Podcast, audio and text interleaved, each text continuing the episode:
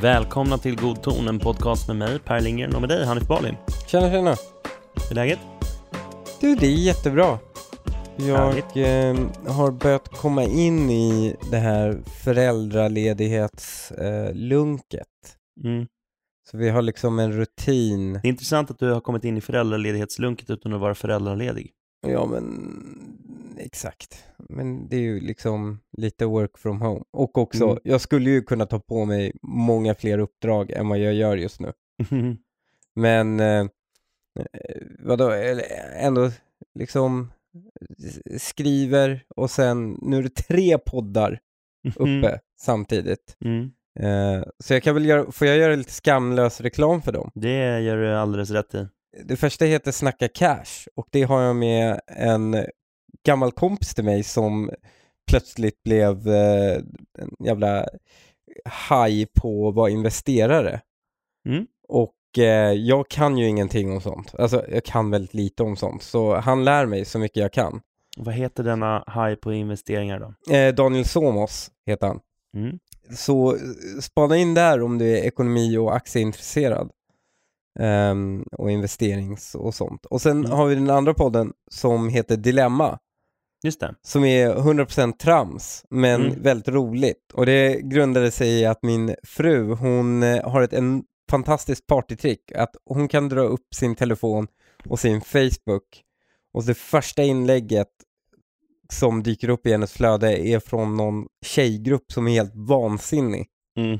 Och sen blir det liksom enorma diskussioner om, om det är okej att att göra ditten och datten. Liksom, eh, det kan vara allt från relationer, folk som är bonussyskon och blir kära i varandra eller när man ska dumpa en snubbe liksom. Mm. Mm. Så jag är, jag, det är hennes podd, jag är bara manspanel på något Mhm. sätt där.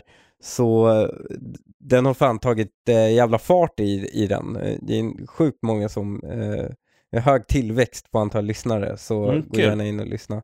Så det är väl det jag gör, så att säga. Men nu har jag kommit in i... en- Eller okej, det här är den tredje podden ja. Jag tänkte, jag satt och väntade på den tredje, för jag vad fan, vad är? God ton heter den, jag vet inte om du känner till den. Men, eh, men Där är jag manspanelen. ja, exakt. När du mysplågar panelen. Ja, det är jag fan. Det är jag fan. Och det är fan med det jag kommer prata om idag också. Ja, men jag, jag, eh, jag, jag har kommit in i ett sånt där lugnt där man liksom har en rutin där man vaknar på morgonen, tar baby Gru och sen liksom tar hand om henne. Baby och- Gru, är det, vad fan, är det alltid nya namn på den här avkomman? Jaha, ja, eh, Linnea tycker att hon liknar eh, en bebisvariant av eh, Gru i Dumma mig. Mhm. Så hon har börjat kalla den för Gru och Baby Gru och nu kallar alla den för Baby Gru så nu kan vi inte sluta kalla henne för det. Ah. Men så fort hon blir liksom på något sätt medveten kommer hon ju bara Tycker du jag är så ful? kommer hon ju tänka. Och jag har sagt det här till Linnea, men, men det bara fortgår.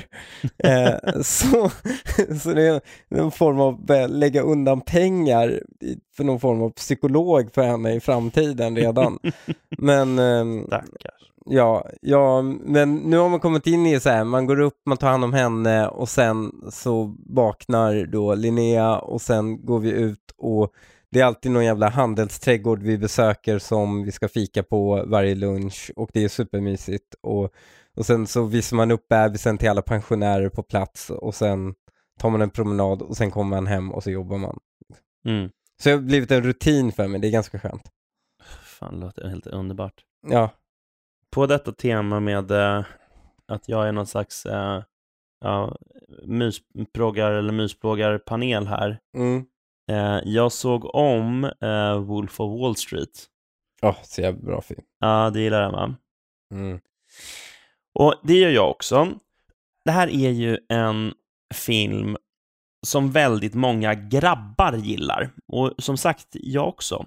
Eh, jag tycker att den är svinbra. Men jag noterar hur det finns en viss typ av grabb som har ett lite annat mottagande av den här filmen än vad jag har. Mhm. Alltså, den här filmen menar jag formulerar för vissa grabbar i sig så 20 till 30-årsåldern eller dryga 30-årsåldern ett slags förbjudet ideal. Den visar ett drömliv som, som vissa önskar att de kunde leva. Så hade det inte varit för alla samhälleliga konventioner och stigman så hade de velat knarka, ligga runt och sprätta pengar. Mm, mm. Det här, och, är det här Andrew Tate-samhället liksom? Ja, ja, precis. Och jag, alltså, jag vet inte om det är åldern, ja. men jag slogs av det när jag såg den här filmen, eh, såg om den då, mm. att den absolut inte formulerar en idealsituation för mig. Mm. Jag ska spela upp en scen.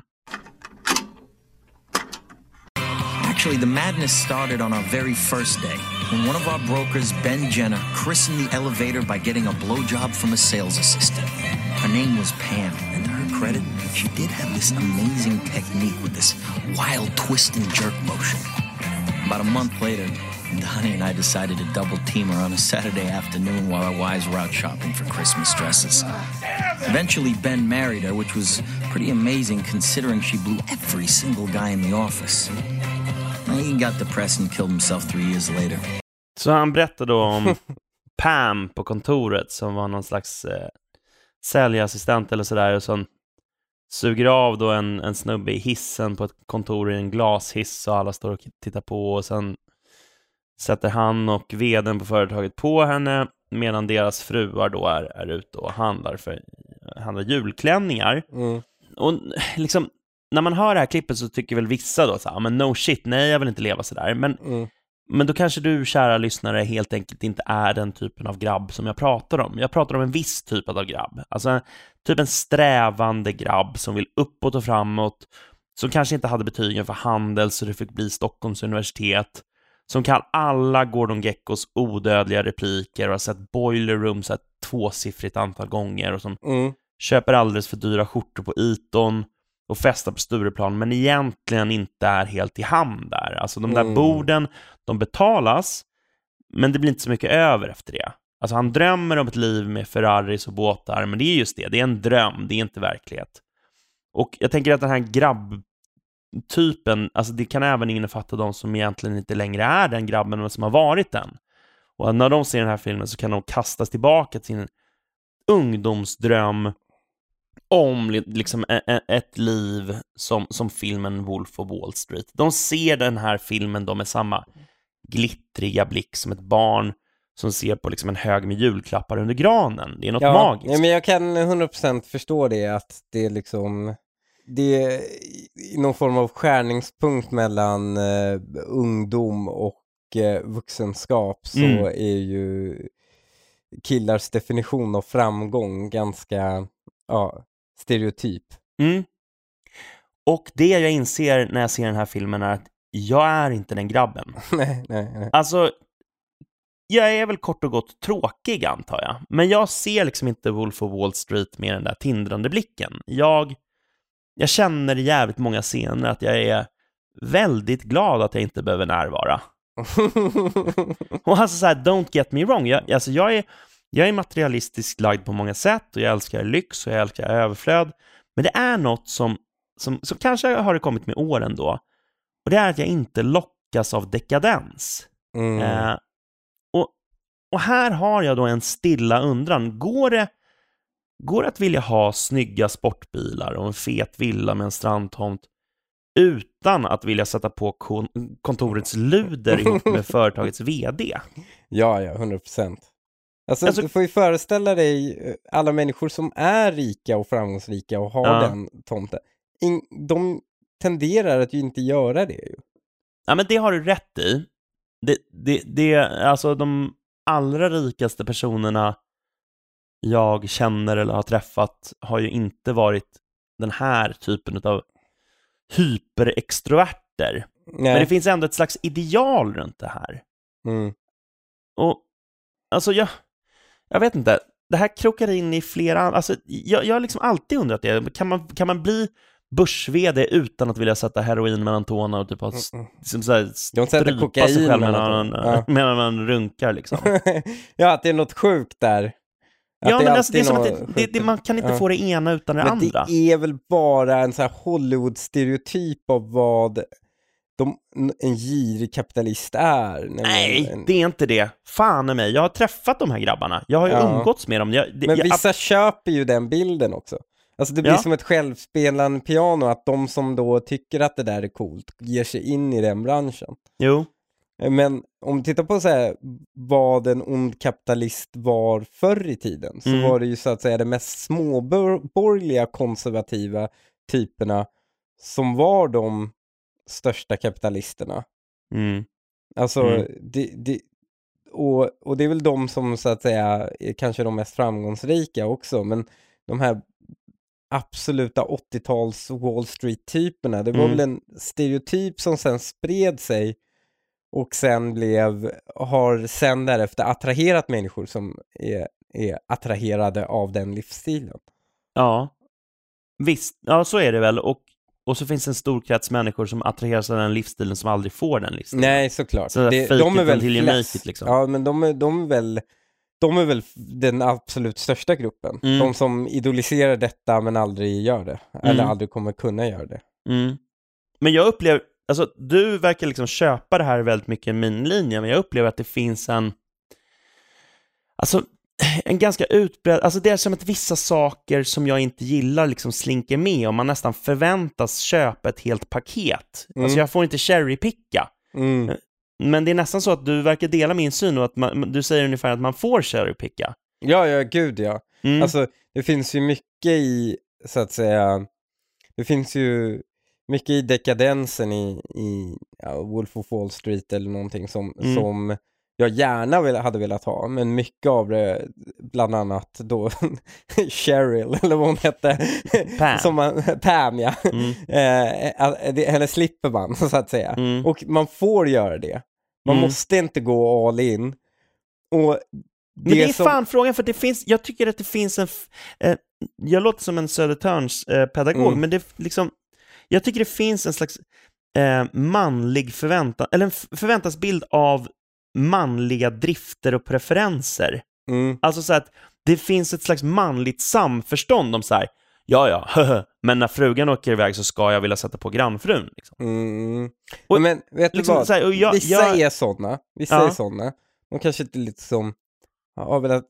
Alltså, det kan också vara bara, det är människor som kanske inte fått leka av sig när de var yngre. Ja, Liksom. ja, ja, precis, jag, jag funderar på ifall det är det, men jag tror inte att det är så enkelt. Eller så är de bara lagda så, liksom, Mm, och, mm. och det bara är, är, det är det som driver dem. att, mm, Eh, men det viktiga, mm, det är ju ha, om den personen är oskön eller inte, mm. är om den förväntar sig att du måste göra samma sak. Det här är precis det jag tänkte prata om, för det, jag menar att det finns en sån konstig förväntansbild.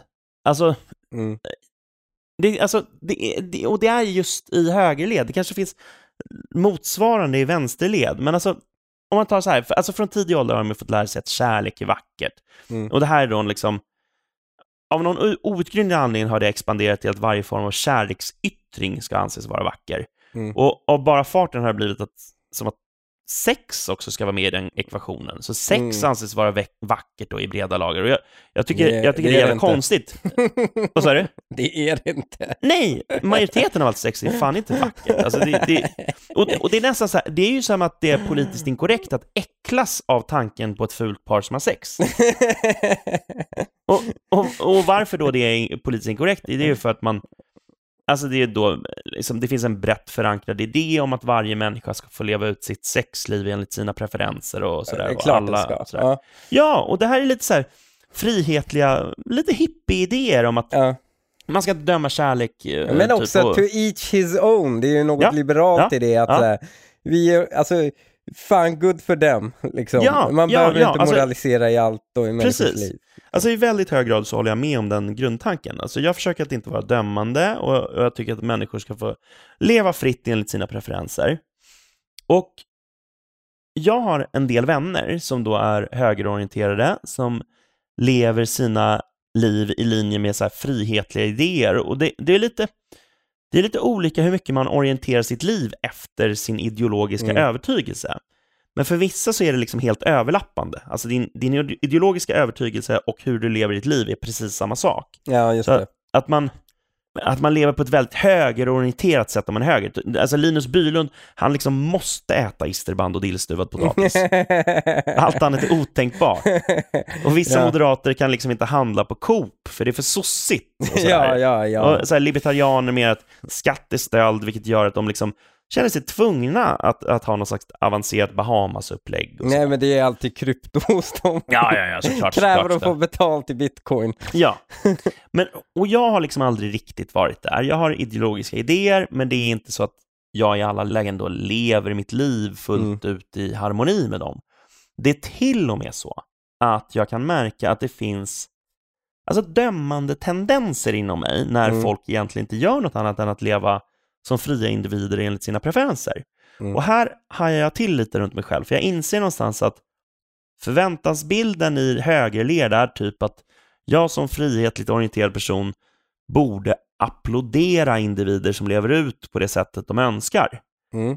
Men ibland så växer något inom mig som liksom inte är odelat positivt i sådana här sammanhang. Mm. Så i frihetliga klasser pratar man ofta om att man ska vara fri att leva sina liv precis som man vill och, och, och så länge inte omgivningen drabbats så är det fritt att göra som man vill och det ska vara, stå var och en fritt att ta droger, ligga med vem man vill så länge den andra är med på det. Och vad gäller sexuella preferenser så ska man då få leva ut det precis på, på liksom vilket sätt man vill utan omgivningens dömande. Mm. Allt det här är då väldigt frihetligt och man, om man då lyfter på, på ögonbrynen åt något i detta, då är man en moralistisk bakåtsträvare. Ja, men det är också i och för sig en höger...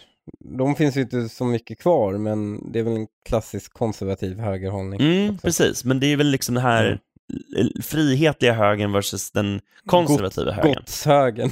Ja, ja, precis. Och jag Vilket är, är sjukt, för alla människor jag känner som har gods är de mest jävla frisläppta nissarna som finns. Ja, alltså 87% av dem är ju så lyxbögar.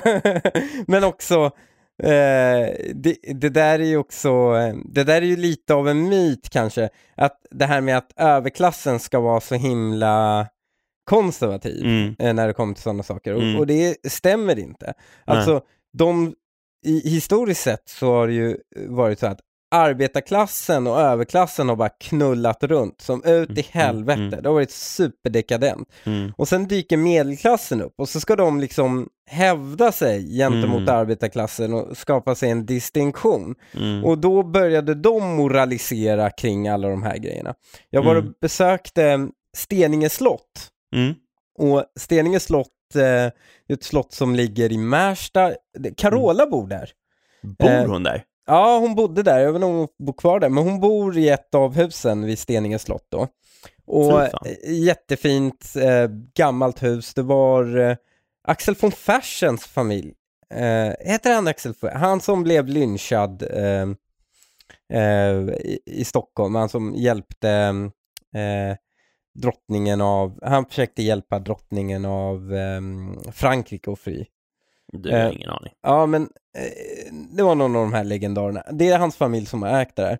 Och eh, när man byggde det här så, så byggde man ut en engelsk park och en promenad som man Mm. kom. Så, så de gjorde en tillbyggnad på en kulle där de grävde ut mitten av kullen så den Mm. var helt platt och byggde en väg emellan där. Så la man sten längs, längs kullens, liksom där man skurit den här vägen igenom. Och så la man sten längs sidorna och så byggde man två liksom katakomber vid sidan Ja. av den här, in i kullen. Och i den så byggde man två sängar. Alltså det var två knullrum. Det var två knullrum man hade som man kunde liksom smita iväg på festligheter och bal på slottet och bara, och bara knulla av sig lite. Och Ja. något säger mig att det inte är knullrum för frugan. Nej, men, det, men vet du vad jag reagerar på i det här? Mm. Att det är två knullrum. ja, Varför inte ett? Nej, men Alltså, det men är ju varför- för varför vill- gästerna. Ja, Eh. men varför vill alltid kåta karar se andra kåta karars kukar? Nej men det, vill, det var, de var inte bredvid varandra, de var separerade. Det Men var jag liksom, fattar inte det. här. Alltså, varför ska allt detta vara en gruppövning? Nej, Liksom? det är det ju inte. Men, alltså, men jag bara säger att i överklassen var det ju så här ren dekadens. Det var på den nivån att man inredde sina slott Mm, efter att liksom, folk skulle så här, ligga med varandra. mm, mm, Och arbetarklassen har också bara legat runt som fan. Eh, mm. För de har ingenstans att ta vägen. Man bara råkar ligga med någon för man bor så tätt. Ja, men det, det är det enda som fanns. Mm, Liksom. mm, det var ju mm. supa och ligga. Mm, Och så kommer medelklassen med sina liksom, nymoralistiska liksom, drag.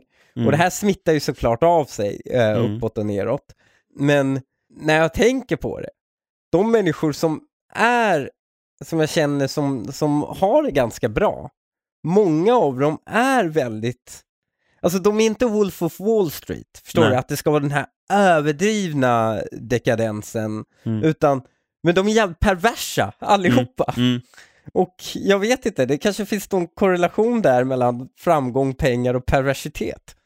Ja, det är det här jag försöker mejsla ut. Jag förstår, jag ser liksom, jag kan inte riktigt se vad mönstret är. Mm, Men jag skulle säga att jag i jämförelse med den genomsnittliga svensken är ganska frihetligt orienterad. mm, mm. Och jag, just det här vi pratar om, att jag tycker att man ska få göra lite som man vill så länge omgivningen inte kommer till, eh, omgivningen inte kommer till skada. Men, men jag kan också ibland reagera med att alltså, avstå ifrån att tända en bengal i, i frihetens ära och istället Mm. reagera med att tänka liksom för mig själv så här, okej, you do you, men det där är inte riktigt jag. Mm. Och i vissa fall går det till och med så långt att det kan slå över i dömande från min sida. Ja. Kanske är det ett uttryck för att jag är så jävla medelklassig. Ja, Men frågan är då om mitt dömande har gått så långt att jag har tagit steget ut till att bli en moralistisk bakåtsträvare. Och jag tänkte ta några exempel och så ska du få avgöra om jag då eh, är en moralistisk bakåtsträvare eller inte. mm, Så jag åt eh, middag med två vänner för en tid sedan. Mm.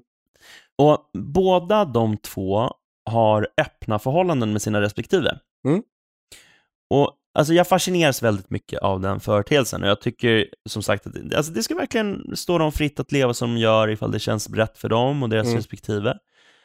Men jag kan ju kon- konstatera att det här är inte för mig. Inte här och Mm. nu. Inte fan vet jag hur jag resonerar när jag är 65, men här och nu är det inte för mig. jag hoppas Men vi- att Caroline inte lyssnar på det här. Jag har redan pratat med henne om, ja, om det. okej, okej. ja. Eh, men vi, vi pratade om eh, varför, alltså inte jag och Caroline, utan jag och de här två pratade om liksom Mm. varför man väljer att leva i en öppen relation och, och hur deras relationer kom att utvecklas till att bli öppna. Mm. jag, alltså jag är jävligt nyfiken på liksom hur man hur tar man upp det ämnet? Det liksom Ja, finns ju ja. sprängstoff i bara, "Ja, men du, vad, vad säger du om att jag går och ligger med någon annan utan att du blir arg på mig för det? vad tror du om det upplägget?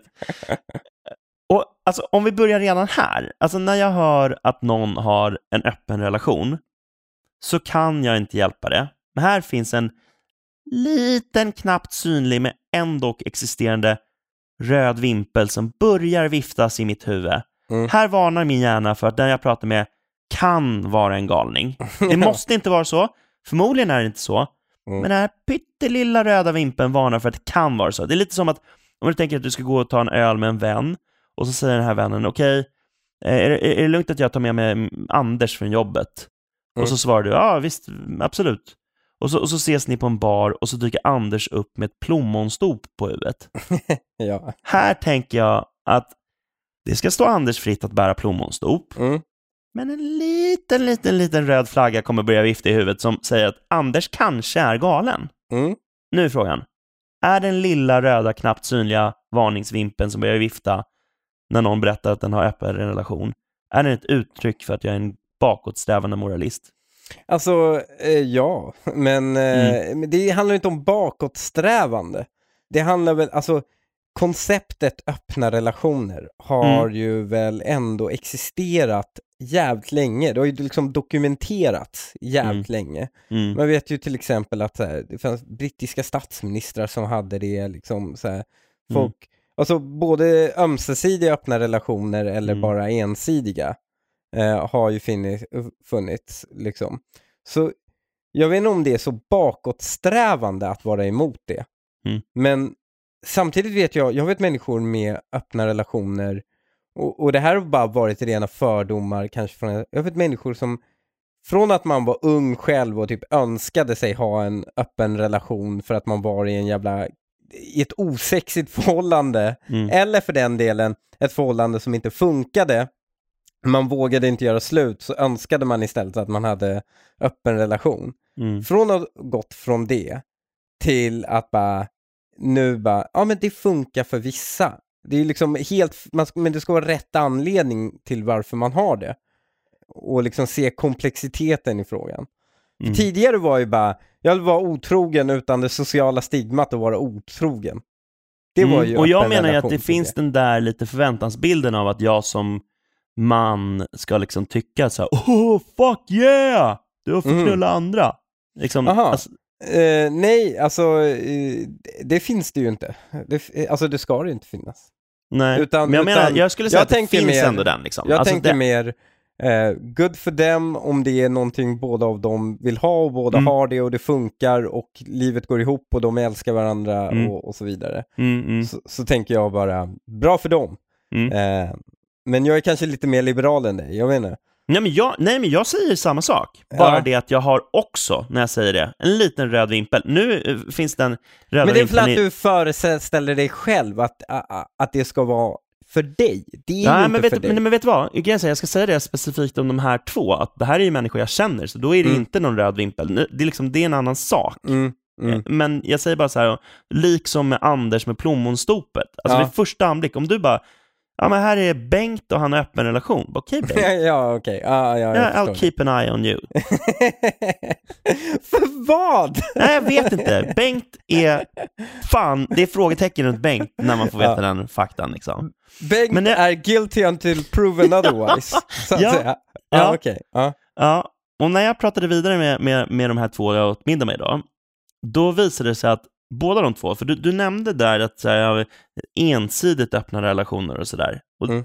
ja, och det visade sig att båda de hade haft då samma erfarenhet. Den öppna relationen hade alltså inletts med att deras respektive eh, fick kliva snett, men Ja. inte de. Det var inte kliva snett, det var ju kliva ut. Men ja, Ja, okej. ja. Ja, alltså så, så kvinnan får ligga med andra, men inte mannen. okej. Och Ja. sen, sen därifrån så vidareutvecklades till att båda är, är, är fria att ligga. Mm. Och här går en liten, inte så viktig, men ändå existerande säkring i min hjärna. Mm. Den här säkringen går inte till något moralcenter, utan den säkringen är kopplad till då själva förståelsecentrat. Här så handlar det inte så mycket om dömande, som att jag har en bristande förståelse. Mm. Alltså, jag är personligen inte lockad av öppen relation överhuvudtaget, men jag kan ju ändå liksom teoretisera runt fördelar och nackdelar med en öppen relation och sådär. Mm. Det är liksom fram tills att det ska innefatta att ens partner ska ha en främmande mans svettiga kuk inuti sig, medan jag då är, är förpassad till På spåret på popcorn. Här, här, här så ligger jag alltså närmare en hederskulturellt skadad så här, menagubbe än libertariansfären. Det blir lite som det här Wittgensteins resonemang om lejon. Alltså, det, fast hade, vi, ha- hade, vi, hade vi kunnat prata med lejon så hade vi ändå inte förstått dem för våra referensramar skiljer sig åt så mycket. Alltså den här säkringen som har gått i mitt huvud, den gör att jag funderar ändå på en jag kanske har mer gemensamt med ett lejon än en person som låter någon gubbjävel knulla frugan och så får man inte ens ligga med någon annan själv. Liksom. Ja. Nu då Hanif, är jag en moralistisk bakåtsträvare om jag säger att det är lite konstigt. Det är lite konstigt att, att karar liksom är okej med, att, med att andra män ligger med deras fru och man får inte ens själv ligga med andra. Eh, ja men vänta, vänta. Så bara för att du, alltså om du är emot att andra ligger med din fru, Mm. men du anser att det på något sätt blir mer okej om du får ligga med andra? Nej, Du- alltså, jag, tyck, jag, emot- jag tycker egentligen inte att jag tycker egentligen inte att det ena kompenseras av det andra. Mm. Det är lika jävligt att tänka sig att någon ska ligga med Caroline helt oavsett. Ja, ja, ja. Men jag kan inte förstå dealen. Att så här, bara men du får ränna runt på stan och ligga med andra, men inte jag. Mm. Vad är uppsidan? Eh, Alltså, att- det är väl, det är väl en slags deras- ökenvandring. Man Nej, men- hoppas så på andra Kolla. sidan så hoppas man på att så småningom få ligga med andra. om det är uppenbart människor som idag har öppna förhållanden och Mm. det funkar, då betyder det att det inte är en issue för dem. Eller hur? Ja, men vad fan, Men kan det vara så? Ja, men det är uppenbart inte en issue för dem. Tvärtom, de kanske gillar det lite. Och det är ju där, alltså jag, jag förstår lejon bättre. Ja, Man gillar att en annan man ligger med ens fru. ja men det, det, det, det, det, kan finnas. Och sen så har du det här också. Nämligen, om du är okej med det, Mm. eh, men du inte får de fördelarna, då är det bara så här, nej men min fru blir lyckligare av det här, vår relation blir bättre av att hon får göra detta, det är fördelen. Jag själv är inte intresserad av att göra det. Är det inte det här som är definitionen av kack? Jo, men det är liksom, vissa funkar det. Och sen eh, så, så eh, visar det sig- men hon kanske inte har den säkerheten gentemot dig, så hon ger inte dig den friheten. Och sen efter ett tag så, så kommer hon ge det. Alltså jag kan 100% förstå det här ske. I och med att det jag känner folk som, som lever så och de är liksom lyckliga. Det är ingenting för mig, men liksom to each his own. Alltså men, människor Jag förstår känner... det ungefär jag- som jag förstår den här kvinnan som blev kåt av Berlinmuren. nej, men, nej men det är, inte, det är inte det, för att, alltså också det här. Jag tycker att vi ska använda moral för att göra samhället bättre. Mm. Okej? Jag tycker det är viktigt att använda fördömanden när det ger en effekt på Men samhället. jag har inte sagt det moral. Jag, jag säger uttryckligen det. Det här handlar inte om dömande. Mm. Det här handlar om att jag inte förstår. Ja, ja jo, absolut. Men där, det, är ju, det är ju inte så himla svårt att det finns massor av saker jag inte förstår. Alltså massor av jag fattar inte de som vill bli kissade på. Jag, jag kan Alltså- inte förstå det. Jag, jag, på- riktigt, på riktigt. Mm. Jag blir hellre kissad på än att Caroline går och knullar med någon annan. Ja. men ja, okej, men to each his own liksom. Ja. Men, men, men här är det så här, det finns ju uppenbart så har människor olika preferenser utan att man förstår det. Men jag tycker moral bör användas för att göra ett samhälle bättre. Jag håller men- med, men det här handlar inte om moral. Ja, men att, och fördömanden för den delen. Som Mm. bara utgår ifrån att så här, jag förstår inte det här, jag tycker inte om det och jag tror att det är dåligt för samhället. Ja, men det har jag inte heller sagt. Nej, Alltså, det- jag du- säger du, inte att du du, säger har väl inte att det. jag, har säger- givit nej, uttryck för detta? Jag för det gör, jag inte det. Jag Nej. gör inte det, herr, herr Aspergers. Jag gör inte det. Nej, men det här är ju, Nej, men- de här jag definitionsskillnaderna är säger- ja. jätteviktiga. Ja, men det jag säger är att de människor jag känner som lever sådana liv Mm. är upstanding fucking citizens. Ja, ja. De är de, en, de liksom skitbra fädrar, mödrar, eh, liksom eh, medborgare Mm, mm, mm. ehm, och, och, och har sunda politiska och privata värderingar, men sen lever de så. Mm. Och då blir det ju uppenbart att, för mig, att om jag börjar blanda in mina preferenser i min utvärdering av dem, så är det Mm. jag som gör fel. Mm. Mm. Nej, men jag, jag förstår det på ett något slags teoretiskt plan. Men jag försöker navigera ganska mycket i mina egna känslor här. Mm, mm, Alltså för att jag fattar inte företeelsen. okej. Det är... Du vet, jag har svårt att förstå vissa som gillar Flygande Jakob. Mm. Det här är lite längre bort liksom. Det här är, det här är Jakob inuti din fru liksom. Alltså, ja, ja, ja, ja, men okej, vi, vi går vidare. Jag frågade de här Ja. två om, om, Mm. om det var känsligt vem som låg med deras respektive. Alltså ifall det är känsligt ifall det är en vän som ligger med henne eller, eller om det är en bror. Mm. Och den ena av dem hoppade nu av frihetståget och satte sig på, på den här eh, moraliserande bakåtsträvarbänken med förklaringen att det kan bli stökigt socialt ifall det är vänner. Mm. Men egentligen verkar han inte ha något problem med det liksom, i övrigt i den delen. Mm. Däremot då att en bror ligger med hans fru, då rynkade han på näsan och, och liksom så här, ja. Han la inte ut orden, men jag tolkade det som att han tyckte det lät lite äckligt liksom. Men det handlar väl också om att eh, alternativet att så här, um, jag vill aldrig träffa den här människan mer. Eller så här, jag vill aldrig träffa den här människan, måste finnas. Det finns det ju inte om det är en bror. Det är fan mig på plats 742 över saker jag tänker på varför jag inte vill att någon av mina bröder ska ligga med Caroline. ja, jo, absolut. Men den andra Mm. Aron tyckte att eh, visst, om det är en bror man har en vänskaplig relation med och så, då är det egentligen inga problem. Okej. Och här så blev jag lite, alltså just från Wolf of Wall Street, jag kände mig som, som Leonardo DiCaprio i kusinknullar-scenen. Så här låter den. It's not like that, you know. It's not like that. You know what I mean? Like you married your cousin or some stupid shit, no? Yeah, my wife. Yeah, um, my wife is my cousin or whatever, but it's not like what you think, whatever. You know. Is she like uh, first cousin or is she? Yeah, no, she. You know, her her father is the is the brother of my mom. It's not like what you know. Look, we grew up together, and she grew up hot. You know, she Right. fucking grew up hot. And all my friends were trying to fuck her. You know, and I, I was I'm not gonna let someone. You know, one of these assholes fuck my cousin. Oh, so yeah. you know, I use the cousin thing as like Yeah, yeah. like an in with her. I'm I'm not gonna let someone else fuck my cousin. You What- know, if anyone's gonna fuck my cousin, it's, it's gonna be me out of, out of respect. You know. No, I get it. Yeah, yeah, yeah. I mean, you're not afraid of like the whole kid thing, right? Like the What whole kids with her? Yeah. No, we have two kids. And they're. I mean, I don't mean. I don't want to get personal or anything. They, they're okay. No, they're not retarded or anything like that. But there's a big Goalie- chance, right? If Yeah, you know, yeah, there's like a 60%, you know, 60 to 65% chance the kid's gonna be fucking retarded or whatever. That scared the shit out of me, buddy. I look, man, a lot of having a kid or whatever takes risks, whether you're fucking cousins or not. What, know? what if you?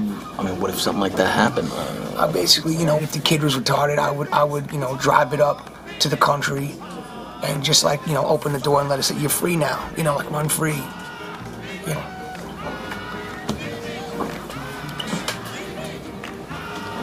You come I'm just fucking with you. That's horrible. You know. No, you, you look like you fuck. No, we would take it to like an institution or somewhere that's handled to like you know raise the kid or whatever. You know what? If you're happy, God bless you, buddy. No, I'm God not fucking happy. No one who's married is fucking happy. Well, I'm sorry to hear that, buddy. Listen, I'm really, you know, I'm really appreciative for this fucking job. I'm Fantastisk scen. Ja, fantastisk scen. Men, men här då. Om jag tycker att det är lite konstigt att vara beredd att låta sin brorsa ligga med frugan, är jag Mm. då en moralistisk bakåtsträvare? Eh, nej, nej. Det här så börjar det mjukna ändå liksom. Nej, alltså jag eh, ser problemen med det, men, men alltså om någon, jag vet inte, det finns väl tusentals fall där en snubbe har legat med någons, eh, någon, någon tjejs syrra också. Mm. Men nu är just alltså kronologin här att man gifter sig och sen ja. går med på att brorsan ligger med frugan. Ja, det, det är svårt, men eh, ja, det är inget för mig. Men eh, jag, jag eh, Fan vad du undviker att svara på det här. Du, nej men to du har... Ja, okej. Så du tycker att liksom det, det, du, du bara backar långsamt från det så här, nej men okej, to each his own. Men har du ingen känsla över så här, någon liten röd vimpel som går av? Alltså, det här är Anders, han jobbar med mig. Tja Anders! Oh, and by the way, han låter sin brorsa trycka frugan. Det var okej, vad, vad vill du ha att dricka Anders? ja, ja, alltså vet du vad? Ju äldre jag blir, ju mer sån har jag blivit. Holy shit. Mm. Alltså när jag var i 20 någonting års åldern så, så var det en massa vänner till mig som, som jobbade i Oslo. Och, och många av dem hamnade då i modebranschen. Och som bekant är det ju mycket bögar i modebranschen. Mm. Och jag träffade en del av de här bögarna och lärde, lärde känna några av dem och sådär. Och, och en av dem brukade ägna sig åt en frihetlig typ av samlag med sin kille. Han tyckte om att sätta på sin kar och sen suga ut sin egen sperma ur röven. Okej. Är jag en moralistisk bakåtsträvare när min hjärna hissar varje röd flagga som finns och sätter igång Hesa Fredrik när någon suger ut sin egen sperma ur en annan mans röv? Nej. Eller Så- ja, det är det. Ja, ja. du tycker det? Ja. Ass- Men alltså, för, kolla, rent ideologiskt så tycker jag att på någon slags teoretisk plan så, så, så är jag av åsikten att det ska stå var och en fritt att knulla på sin manliga kusin som man har en öppen relation med för att sen suga ut sperma ur röven på honom. Mm. Men någonstans så måste det också stå mig fritt att inte känna impulsen att vilja ge stående ovationer till det beteendet. 100 procent. Alltså man behöver inte ge stående ovationer. Det här är ju hela grejen, det är ju falsk premiss. Man behöver varken fördöma det eller ge stående ovationer. Ja, men jag tycker att det finns en tendens liksom i frihetliga kretsar att man, man lite blandar ihop princip med praktik på ett sätt som inte riktigt funkar för mig. Mm. Och det här låter ju då som att jag har en lång harang där jag liksom dömer de här två personerna som jag åt middag med. Det är verkligen inte det jag säger. Jag Mm. tycker absolut att de ska få leva som de vill och jag dömer inte dem i en endaste atom. Det gör Mm. jag inte. Utan det här är mer av ett generellt resonemang. Okej. Alltså ungefär på samma sätt som jag kanske ställer mig en smula avvaktande till den där Anders när han dyker upp med ett plommonstop på huvudet. Så liksom Men jag fattar inte, varför ska det vara just, alltså, eh, det finns väl skitmånga snubbar som tänder på det med sina tjejer också. vad? Säkert. Att, Eller skitmånga, men det, det är 100% att det finns snubbar som tänder på att göra det med sin brud. att suga ut sin egen sperma? Nej men typ, alltså 100% finns det snubbar som gillar att, och, fan vad äckligt det här avsnittet blev, men och så att säga ejakulera i sin fru och sen slicka det. Mm. 100%. Och jag skulle säga så här, får jag den informationen så kommer jag ändå sätta dig i m- kanske högen över ifall du är galen eller inte. Ja, okej, ja. Ja men alltså det är, alltså, ja. Men Per, om du kände till mina preferenser skulle du ju lägga mig också i liksom galen du ligger redan i den jävla högen. Men det är liksom, det, det, det, det, hela lösningen på det här problemet Mm. är ju så att säga inte känna till folks preferenser. Det är sant, det är sant. Men, men, men jag, alltså, alltså, jag, jag menar att precis som med plommonstops-Anders, alltså så här, det, det, alltså det, den frihetliga tanken liksom, om, om, om att andra män ska sätta på, på min fru, eller för den delen tanken på att jag och min vd ska dubbla någon kvinna på kontoret, Mm. och, och, och att den tanken ska få mig att tindra som ett barn på julafton. Alltså, Vet du vad? Den, Det den, handlar inte om att den- jag, jag, om, Mm. om, jag, om jag är en moralistisk bakåtsträvare eller tråkmåns, när jag liksom så här, får lite av en klump i magen runt detta, så får jag väl fan axla den rollen. För det är För ungefär är det det- jag känner. Ja, men för mig handlar det inte om applåderna. Det handlar faktiskt om en reality check ibland. Att, Mm. att bara, folk är inte som du. Nej, Folk det är har väldigt inte samma sant. preferenser som du. Mm, Folk lever sina liv annorlunda än Mm. dig. mm, Var försiktig med att, att eh, ha preferenser om hur folk ska leva sina liv. Ja, men jag vet, och jag säger inte att jag har... Nej men Kolla. det är det det lär mig, för man glömmer ofta bort det. Man Men glömmer det finns, ändå, ofta det, finns, bort det. det finns ändå markörer för... Kolla, vi är flockdjur i någon mån. Mm. Och det finns markörer för vilka flockindivider som man kommer klicka med och inte. Mm. Ett plommonstop är en potentiell markör för att vi kanske inte borde bryta bröd ihop. Liksom. Okej. Detsamma om du har för vana att suga ut din egen sarr ur röven. Det är liksom en så här, det kan vara så att du är en fullt rimlig person, Mm. men en liten varningsflagg. Okej. Ja. Ja, okej. Det var bara det. Vad fan var poängen med det här? Det var inte allt för den här veckan. Vill du lyssna på hela avsnittet så går du in på patreon.com godton och bli Patreon. För så lite som 10 kronor per avsnitt får du tillgång till hela avsnitt varje vecka istället för halva avsnitt varannan vecka. Du får även tillgång till vår hemliga Facebookgrupp som är med och styr vilka ämnen vi tar upp. Så gå in nu på patreon.com godton och bli Patreon idag. Annars var det allt för den här veckan. Hej då!